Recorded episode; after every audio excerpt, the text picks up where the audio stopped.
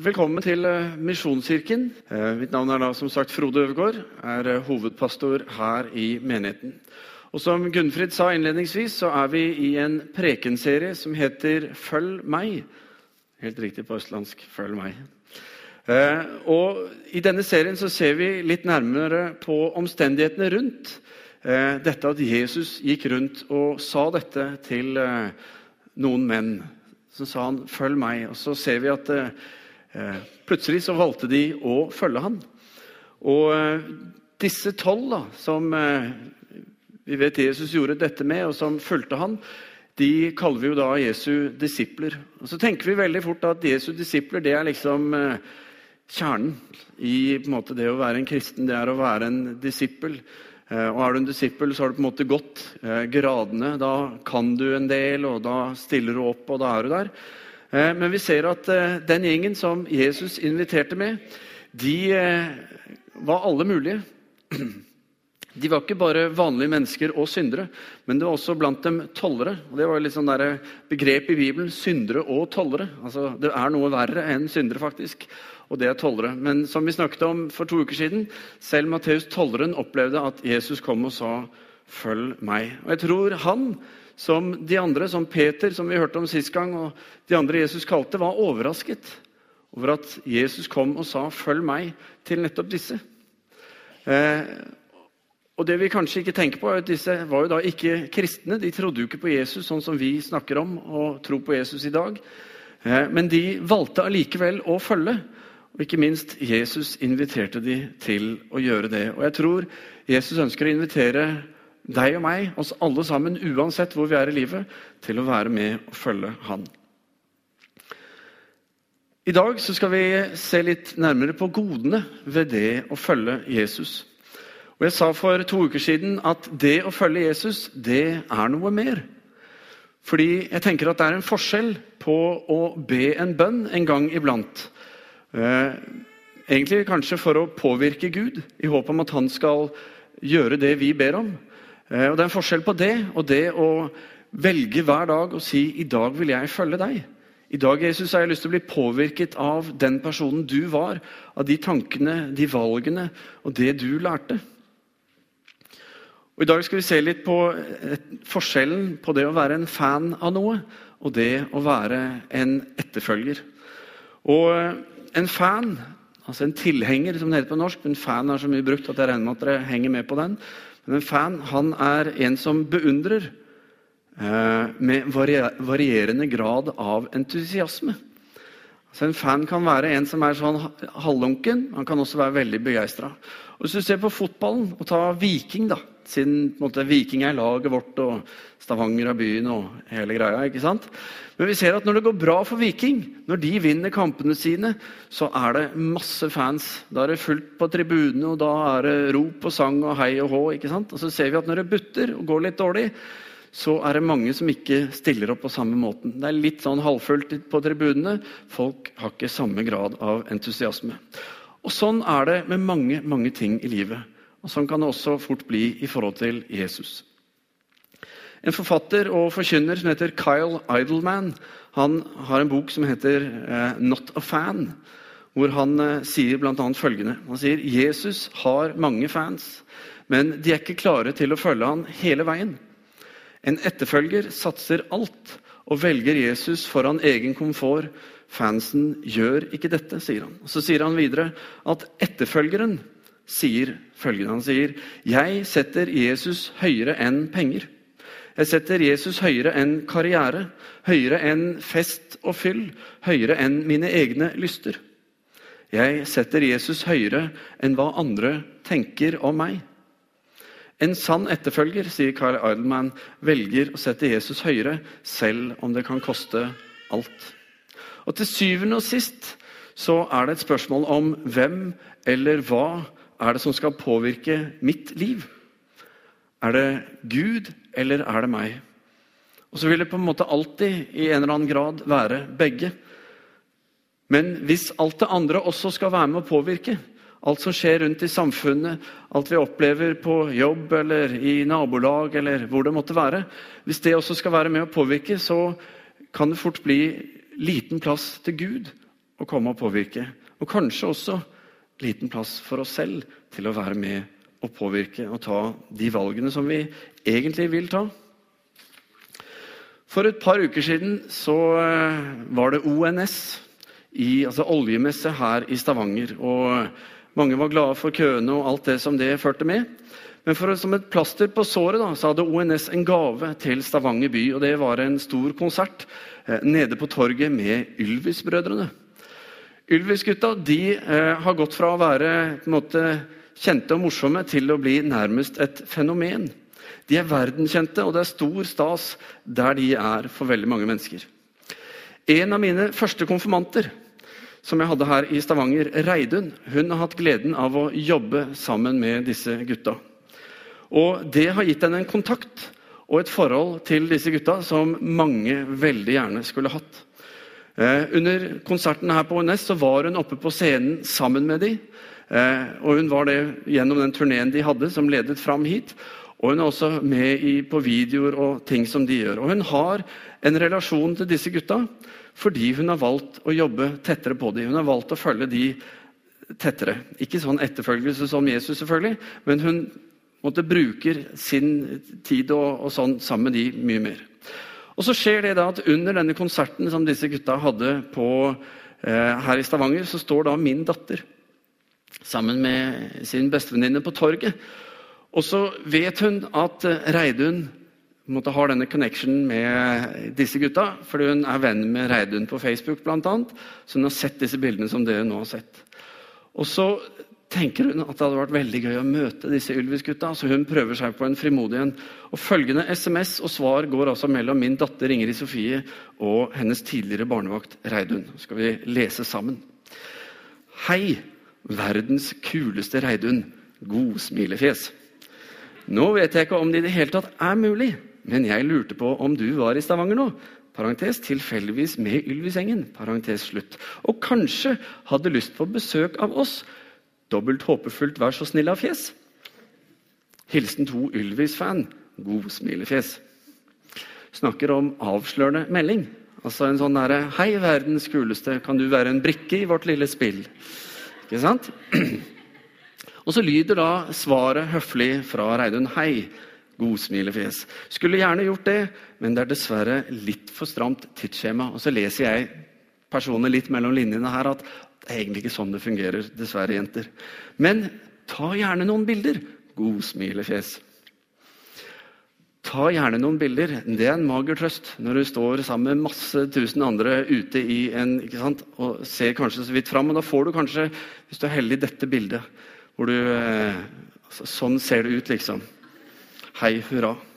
Så står du der til slutt ikke sant? som en fan som stiller opp når det skjer noe, kanskje, hvis det høres spennende ut.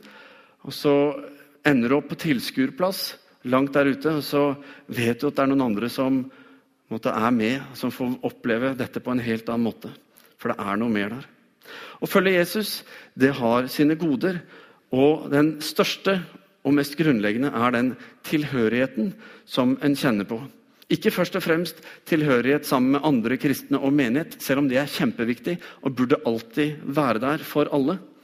Men jeg snakker om den tilhørigheten som Gud selv skaper i oss, i vårt indre. En tilhørighet som er ubetalelig. Det handler om Guds tilgivelse og nåde. Og Det er det beste noe menneske kan erfare i livet. Fordi det går så mye dypere enn noe annet gjør. Og det går så dypt fordi ingen kjenner oss, ingen kjenner deg og meg slik Gud, vår himmelske skaper, gjør. Og så vil det alltid være sånn i livet at det er noe eller noen som bevisst, eller kanskje ofte ubevisst, eh, prøver å gjøre sånn at denne nåden, denne tilgivelsen som Gud har, at den ikke skal gjelde ordentlig for kanskje meg, eller kanskje deg. Og Da vil jeg bare si at det er alltid bedre å være en etterfølger når de tankene kommer. Fordi en har fordelen, gode av å være nærmere Han som er sannheten, og som ønsker å tale sin sannhet inn i ditt liv. I Matteus 19 så leser vi om en rik, ung mann som kom til Jesus. Og Så hadde han med seg en klassiker på mange måter av et spørsmål. Fordi han spurte, 'Mester, hva godt kan jeg gjøre for å få evig liv?' Spørsmålet er hva godt? Og jeg tror Han spør hva godt fordi han faller litt i en problemstilling, en sånn tanke som du og jeg ofte gjør, hvor det handler om hva kan jeg gjøre for å fortjene evig liv. Så Hvilke gode ting må jeg gjøre? Og Hvis jeg bare gjør gode nok ting, så vil jeg fortjene det. Men Jesus han svarer, 'Hvorfor spør du meg om det gode?' Én er den gode. Og det tenker jeg Nå snakker han om sin far i himmelen. Men vil du gå inn til livet, ja, så hold budene. Så Jesus inviterer på en måte inn til et nærere liv, altså et liv som er noe mer. Og Budene de både var og er en sentral del av den jødiske troen og livet. Og Det å følge budene og loven det var veien til rett tro for jødene. Og skulle også være det som skulle sette de fri. Men i praksis så fungerte det ikke slik, fordi man ble for opptatt av ordene av den skrevne loven. Forfatteren av Hebrebrevet, som Eh, setter, han setter ord på dette i sitt brev til nettopp hebreerne, eller jødene. For Han sier i kapittel 10 han sier han, loven inneholder bare skyggen av alt det gode som skulle komme. Ikke det sanne bildet av tingene. Altså Loven vitner om noe mer. Noe som ligger bakenfor, noe som en dag skal komme. Og Som jeg tenker er det vi får møte nettopp i Jesus. Fordi det Jesus gjør, er at han ikke kommer og avkrever å følge budene og lovene, men han synliggjør hensikten med de, og hvordan det skulle være med å sette fri. Det ligger en ånd bak loven som havnet i skyggen. Og så er det interessant at Den rike unge mannen, når han får høre at han skal følge budene, så spør han hvilke bud er det du tenker på nå, Jesus? For Det synes jo ganske opplagt at det var ti bud som var å følge. Eh, og Kanskje mer interessant er det at Jesus bare ramser opp seks av de ti budene. Men Vi skal ikke dvele for mye ved det. Men alt dette har jeg gjort, sier den rike unge mannen. Og så tenker han, tror jeg, som vi veldig lett gjør. Han tenker, Jeg er jo snill og grei og gjør så godt jeg kan, og jeg holder jo disse budene. Men så bærer han også på en sånn følelse av at allikevel så er det noe mer. Det er ikke godt nok. Jeg er kanskje ikke god nok. Det er noe som mangler. Og så spør han som vi gjør ikke sant, også Hva er det mangler? Skjønner du? Og det spør han hva er det da som mangler. ikke sant? Som jeg må gjøre. Og så rører Jesus ved nerven ved det å følge etter han. For han sier, 'Vil du være helhjertet, gå da bort og selg alt det du eier, og gi det til de fattige.' Da skal du få en skatt i himmelen. Kom så og følg meg. Vil du være helhjertet? Følg meg, det er en invitasjon til å leve fullt og helt sammen med Gud. Og få del i de velsignelser, i de gleder og muligheter som er ved å leve sammen med Gud. Og vi ser i Jesus hva det handler om. Fordi Jesus er et menneske som går rundt iblant oss, og så viser han oss hvem Gud er. Han synliggjør Gud. Og så er det å leve fullt og helt sammen med Gud, det å få erfare dette en utrolig velsignelse som jeg håper jeg skal få oppleve enda mer av, og som jeg håper vi alle skal få oppleve mest mulig av. Og Samtidig er det ikke tvil om at 'følg meg' ikke bare er en invitasjon til det, men det er en utfordring til nettopp det samme. Det er en utfordring å leve fullt og helt sammen med Gud. Og Poenget her eh, i denne historien er ikke at Jesus sier til alle sammen, til deg og meg, du må gå ut og selge alt det du eier, og gi det til de fattige for at du i det hele tatt skal kunne følge meg. Men det Jesus gjør, er at han eh, ser inn i hjertet til denne unge mannen. Så spør han ok, skal du følge meg, så er det noe som på en måte må være viktigere enn noe annet. Og så ser han at ok, han er rik. Han har masse. Og dette har på en måte et grep i livet hans. Og Derfor så utfordrer han han på dette. Og så leser vi videre i vers 22 at da den unge mannen hørte det, gikk han bedrøvet bort, for han eide mye. Jeg tenker at vi alle dypest sett kunne tenke oss å leve fullt og helt sammen med Gud. At inni oss er det noe som sier at ja, tenk så deilig. Det ville vært bra. Det er jo tross alt det vi er skapt til. Men spørsmålet vil alltid være hva er det som er størst? Hva er det som kommer først? Hva er det som er viktigst for oss? Hvor, altså, hva er det vi faktisk egentlig stoler på? Å sette Gud først handler om å egentlig legge alt fram for Gud. Som Paulus også ber oss om. Legg alt fram for Gud i bønn med påkallelse og takk, sier han. Det handler om å inkludere Jesus i hverdagen. Prøve å tenke som han. Spørre han hva, hva skal jeg gjøre nå? Det kan hende du har slitt med å sette av tid til å lese Bibelen. Det er jo en sånn kristenklassiker. Jeg skulle gjerne ønske jeg hadde lest mer, men liksom, det er så travelt. Men kanskje det å sette Gud først handler om å si at ok, nå setter jeg av litt tid. Om så bare fem minutter eller ti minutter. For jeg mener at dette er viktig. Og så ser jeg at gjennom dagen min så er det ting som ikke er så viktig. At hvis jeg skal velge hva som er viktigst, så velger jeg dette. Eller kanskje du ser at det er mennesker eller ting i livet ditt som har en negativ påvirkning på deg. Så tenker du dette trives jeg egentlig ikke med. Og nå tar jeg noen valg som jeg egentlig ikke har lyst til å ta. Så handler det kanskje om å, å ta et oppgjør med det. Og sette en strek og si nei, nå vil jeg ikke la dette påvirke meg lenger. Nå har jeg spilt nok på det spillet eller sett nok på den serien eller vært nok sammen med han eller henne eller de. Eller kanskje handler det om at du skal ta på alvor det Gud snakket med deg om for kanskje lenge siden. Mange år siden. Du kjente at han inviterte deg eller utfordra deg til å gjøre noe annerledes, noe spennende. Følg meg. Det er Guds invitasjon til å få del i det beste i livet. Nå skal vi se på tre av for så vidt mange goder ved det å følge Jesus. Og Det første gode det er tilhørighet i himmelen. På mange måter er dette gode et svar på eh, det første spørsmålet som den rike unge mannen stiller. ikke sant? Hva godt kan jeg gjøre for å få evig liv? Å velge å følge det handler om å sette Jesus høyest. Og så er det fine med å sette Jesus høyest, det er at eh, og det er noe som vi ofte går glipp av, det er at Jesus har allerede satt deg og meg høyest. Det er på en måte plattformen vi tenker skal jeg sette han høyt i mitt liv. Det er fordi han allerede har gjort det med oss. Fordi han valgte deg og meg framfor seg selv. Han tok på seg din og min straff, som vi sang om her i stad. Straffen som ikke var hans, men som han valgte å bære for sin egen del. For oss. Og så gikk han i døden, døde i ditt og mitt sted. Han valgte deg og meg.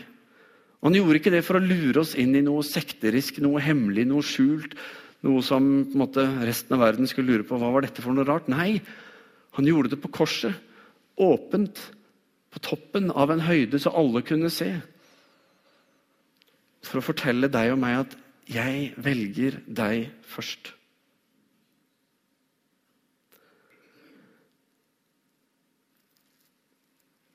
Og jeg tror i dag så lengter han etter at han skal få lov til å aktivt i praksis gjøre det i hverdagen vår. Og det skjer når vi tar noen nye steg og sier ok, nå har jeg lyst til at du skal være først på dette området i livet. For vi klarer ikke bare å si ja, nå er du først på alt. Og så på en måte begynner vi helt på nytt på totalt alle ting. Men vi må begynne steg for steg å slippe Jesus mer og mer til. Og Det leder oss til det neste gode, som er å få lov til å erfare Guds velsignelser her og nå. Å velge å følge Jesus og la seg påvirke av Han åpner opp for Guds vei og vilje i våre liv. Og Jo mer helhjertede vi er i vår etterfølgelse, jo mer kan også Gud velsigne oss. Eh, I eh, Johannes' åpenbaring kjenner du kanskje verset hvor Jesus sier 'Se, jeg står for døren og banker'. Om du lukker opp, så vil jeg komme inn og ha måltid. Jeg med deg og du med meg. På en måte så er det det det handler om. Altså, Hvor mye lukker vi den døren opp? Hvor mye slipper vi Jesus til? Og Jo mer den døren åpnes, jo mer kan han få lov til å komme inn og påvirke og velsigne og være nær oss. Men så skjer det også noe inni her, for vi er mennesker midt oppi alt dette. For vi utfordres veldig lett fordi det er så lett for oss å tenke at å, det er så godt og så velsignet. Jeg vil ha mer av denne velsignelsen. Og så er det en menneskelig felle at vi søker velsignelsen for velsignelsens skyld, framfor å søke et nærere, dypere forhold med Gud og la Han få lov til å velsigne. Å følge etter det handler om å gjøre så godt en kan. Og det innebærer noen valg om hva er det som skal påvirke oss, og i hvor stor grad vi velger at Jesus er den som får lov til å påvirke. For den etterfølgeren som har tatt et valg om å tro, så er det viktigste prioriteringen å sette han først. For hun har allerede sagt at 'jeg tror, jeg har lyst til å følge deg'. Så er det det å sette Jesus først som er utfordringen. Og la meg si dette. Jeg vet at dette er vanskelig. For akkurat som du, så sliter jeg i min hverdag med hele tiden Ikke hele tiden, men altså det på en måte være bevisst og si 'Jesus, jeg vil at du skal være først'. Jeg vil at det er deg som skal være kjernen i dette, ikke meg. Og Så er det områder og tider i mitt liv hvor det lykkes godt, og så er det områder og tider i mitt liv og min hverdag hvor det ikke gjør det. Utfordringen i dag og i morgen vil alltid være hvor setter vi Gud? Hvordan får han påvirke? Og så er det noe med det at Jo oftere vi gjør det, altså jo mer vi er bevisste på å trene opp dette i oss, jo mer naturlig blir det også for oss. Så er det noen ganger hvor vi er oppriktige og er så helhjertet som vi bare kan, og så frustreres vi over at Guds velsignelser uteblir. Og så er det noe med dette at det er ikke matematikk. Det er ikke sånn at hvis du gjør dette og dette, så blir det dette med en gang når du vil det. Jeg tror at Gud alltid velsigner til rette tid, og at det er Han som mye bedre enn meg vet når den rette tiden er. Og Derfor er det også viktig tror jeg, at vi har fellesskap med andre kristne. At ikke vi sitter alene og løser dette, men at vi kan eh, dele liv med andre. Fortelle sånn er min hverdag, sånn er min tro, dette strever jeg med. Dette syns jeg er bra, dette gir meg glede. Og så kan vi snakke sammen, be sammen, eh, støtte hverandre og heie på hverandre. Så gjennom det også få lys over det livet vi har. Og Derfor så sier vi i Misjonskirken bli med i en gruppe i en mindre gruppe hvor det er kanskje fire til ti mennesker som kommer sammen og som deler livet. Fordi det er viktig. For vi bindes så, bindes så lett av våre egne ønsker og vår egen utålmodighet. Fordi vi vil at Gud skal. Og så handler dette også litt om vår nådeforståelse. Og Her i Misjonskirken så er nåde en verdi for oss, hvor vi sier at eh, vi vil være mennesker som tar imot, lever i og formidler Guds nåde der hvor vi er. Og Den største utfordringen for oss det er å ta imot. Og tro at det er sant, og akseptere at vi får det ufortjent og av Hans nåde, som Paulus formulerer det i Romerne 3. Guds velsignelser over livene våre er veldig ofte en konsekvens av eh, vår etterfølgelse. Jo mer jeg leser i Bibelen, jo lettere er det for meg også å bli påvirket av det som er der. Jo mer jeg søker Gud om at han skal tale inn i mitt liv, jo flere anledninger får jeg også til å lytte og høre til han osv. Og, og så sier Jeremia i eh, Gamletestamentet, i kapittel 29, så sier han eh, fra vers 12.: Når dere kaller på meg og kommer for å be til meg, vil jeg høre på dere, sier han. Dere skal søke meg, og dere skal finne meg. Og når dere søker meg av et helt hjerte, ja, da lar jeg meg finne, sier Herren. Det tredje gode som vi skal eh, se på, det er at vi blir en del av Jesu kropp. Da Jesus gikk omkring og disiplene fulgte han, så var han til stor velsignelse der han var. Han satte mennesker i frihet. Han satte de i frihet fra synd Frihet fra sykdom, frihet fra bindinger i livene deres. Og han delte Guds hjerte, ikke bare i ord, men også i handling. Han var med og synliggjorde hvem Gud var, og hva som var Guds hjerte. Og jeg er overbevist om at hvis Jesus var i Stavanger i dag i 2011, så hadde det vært enormt mange mennesker samlet i sentrum for å få et glimt av denne mannen. Rett og slett bare av pur nysgjerrighet. Fordi det er så mye snakk om han, og, man, og det man har hørt, det er fascinerende. Og Sånn tror jeg også det var på Jesu tid at vi leser om det. For vi ser at folkemengdene de fulgte og de stimlet rundt for å høre. fordi han hadde noe mer. Og Det sier noe om hvem han var. Det sier noe om at når han talte, så rørte han Sa han ikke bare noe som var godt eller riktig å høre på, men han rørte ved hele mennesket. Så ser vi også av historien vår at han har rørt ved den. Og Det han annet gjorde før han for opp til himmelen, det var å fortelle oss at Gud skulle sende sin ånd. Og at vi skulle få fortsette i den tjenesten med de gjerningene. Få dele ord, få lov til å være med og sette fri, få lov til å eh, bety noe inn i en hverdag. Akkurat sånn som han gjorde. Gud ønsker å utruste deg og meg til å være en del av det Jesus var. Til å være med å synliggjøre Guds hjerte, synliggjøre Jesus i hverdagen. Så skal vi lese litt sammen fra første Korinterbrev, hvor Paulus sier noe om dette. Da sier han det er forskjellige nådegaver, men ånden er den samme. Det er forskjellige tjenester, men Herren er den samme.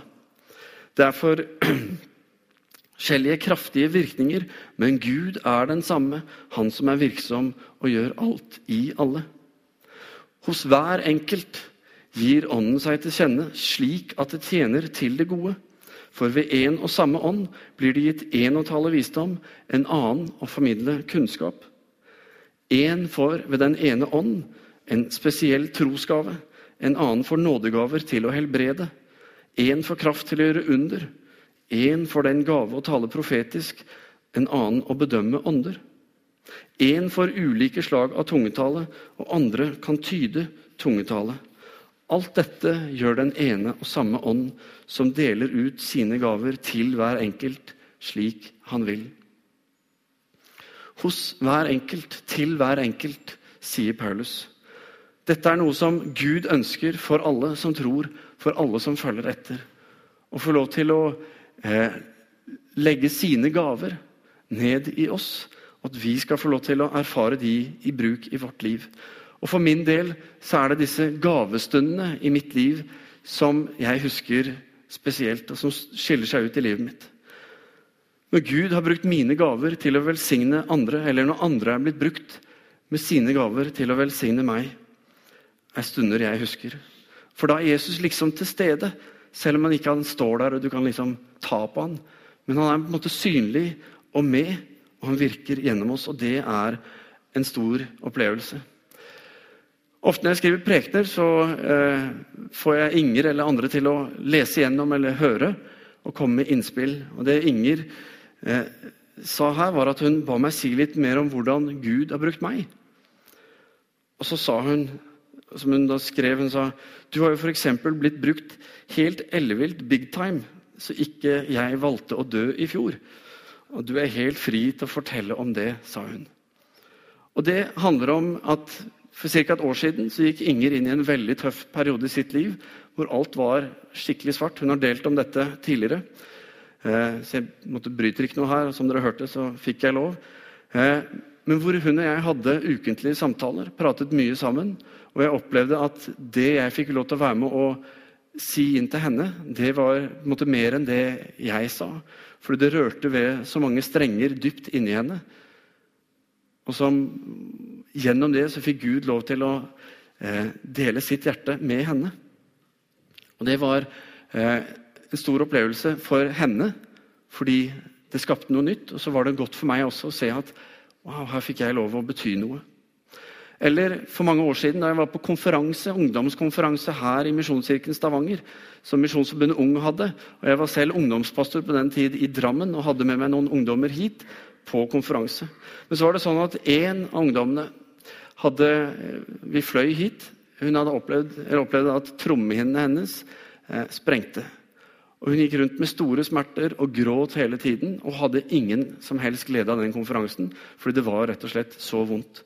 Og Da tok jeg og en som heter Vidar, så tok vi henne med ned. Gikk litt sånn for oss selv, ned på det som var speiderrommet den gangen, som ble mitt kontor etter hvert, og som i dag er en del av søndagsskolerom der nede.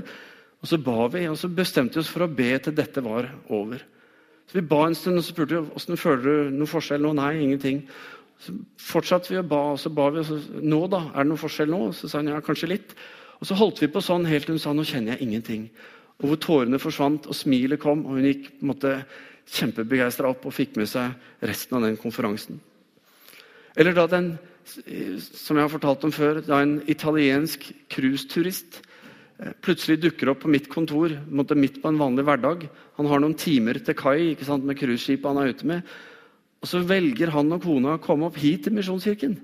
Fordi de syns de så liksom et eller annet spesielt her. og Så går de inn, og så blir vi sittende og prate om alle mulige turistaktige ting. Og, og etter hvert litt menighet, for de gikk i menighet i Italia. Og jeg forteller om Jesus, verdens lys, helt og alt det der. Og så runder vi av, og så sier han du, jeg har noe som jeg har lyst til å dele med deg, som jeg opplever at Gud vil at jeg skal si til deg. Og så taler han rett inn i livet mitt, inn i en tøff periode hvor jeg ikke hadde mange spørsmål og syntes det var vanskelig å være i tjeneste. vanskelig måtte skulle løse oppgavene fordi det var noe galt med meg som ikke stemte. Og så taler han så tårene liksom kommer, og det er vanskelig hos meg, for det sitter langt inne. Eh, de som kjenner meg, vet det, men det er bare sånn jeg er. Eh, og så bruker han sin gave i det lille tidsvinduet som var for turisten der inne. Men så ser vi at Gud ønsker å bruke deg og meg på forskjellige måter til velsignelse for hverandre og for, til velsignelse for de menneskene som han har satt rundt oss. Enten vi er hjemme eller på jobb eller du er på ferie, for den saks skyld. Å følge Jesus det har sine goder. Og det skiller seg klart ut, opplever jeg, fra verdens goder. Men det kan være vanskelig å se og vanskelig å tro om ikke vi velger å stole på at Jesus er verdt å følge. At det han har å bidra inn i livet mitt, det er viktig. For hvis ikke vi tar noen valg om å følge, hvis ikke vi rydder i eh, de tingene som påvirker oss, så ender vi kanskje fort opp litt sånn halvhjertede fans som eh, i varierende grad er med og entusiastiske, avhengig av hvordan, hvordan, det egentlig går. Er det litt trått i kirka, så er det litt trått hos oss òg, så holder vi oss borte. Er det mye bra som skjer, så kommer vi og har lyst til å se på dette. ikke sant? Men Gud ønsker så utrolig mye mer. Og så inviterer han oss med åpne armer. Og så utfordrer han oss også, det er ikke tvil om det. Men jeg tror når vi velger å gå inn i det, så har vi det beste foran oss. Skal vi be. Kjære himmelske Far, jeg takker og priser deg, Herre, for at uh, du har valgt oss. Herre, du har gjort alt i din makt for å fortelle oss hvor høyt du elsker den enkelte av oss hvor viktig vi er for deg, og hvor langt du er villig til å gå, like inn i døden, Herre, for å ha en relasjon med oss, for at vi skal kunne leve sammen med deg og få lov til å følge deg og få lov til å leve i den velsignelsen, men også utfordringen eh, som det er. Men takk, Herre, for at når vi først er der og begynner å erfare og se det, så er det sånn at det skjer noe i oss som gjør at vi vil ha mer. Ikke fordi vi blir tvunget, men for vi får se mer av hvem du er. Og Så kjenner du oss, Herre. Du kjenner hver enkelt. Og så tenker jeg Det er mange av oss som lengter etter noe mer. Som har lyst til å ta et ekstra steg. Som har lyst til å ta noen valg som setter deg nærmere. Og Herre, For alle oss som er til stede, så kjenner du oss, Herre. Du vet hvor skoen trykker. Du vet hva som er krevende. Takk, Herre, for at du aldri fordømmer oss. Og Det er heller ikke hensikten med prekenserien. Det er overhodet ikke å fordømme. Men Herre, du inviterer oss, du oppmuntrer oss. Du lover ikke noen dans på roser, men du sier at hold deg nær til meg, så vil jeg være med deg gjennom alt. Så vil jeg bære deg i de tunge stundene, så vil jeg heie på deg og styrke deg. Og så vil jeg elske deg og tilgi deg når det går galt. Og gjennom alt så ønsker jeg å være med deg. Herre, du kjenner oss. Jeg ber bare Fyll oss, Herre, med en ny tro, en ny frimodighet og en ny vilje, Herre. Og mot, Herre, til å ta noen valg, til å velge deg og sette deg først. Takk, Herre, for at du kjenner oss. Takk for at du ser oss. Og takk for at du alltid ønsker, Herre, å være sammen med oss. Om du aldri har sagt ja til Jesus før, eller tenkt at du vil følge han, eller tenkt at eh, du skal følge og tro han, og tenker at det har du lyst til å gjøre i dag, så jeg har lyst til bare å oppmuntre deg til å være frimodig. Og si, 'Jesus, her er jeg. Jeg har lyst til å følge deg.' Så vil vi gjerne prate med deg etterpå hvis du bestemmer det i dag. Men takk, Herre, for at du ser oss og kjenner oss. Takk for at du rører ved oss, Herre. Skap noe nytt, Herre, og la oss, Herre, få sette deg på førsteplass, som du ønsker. Hjelp oss, Herre, med de valgene, med de prioriteringene, slik at du, Herre, skal få bli større. Vi ber i Jesu navn. Amen.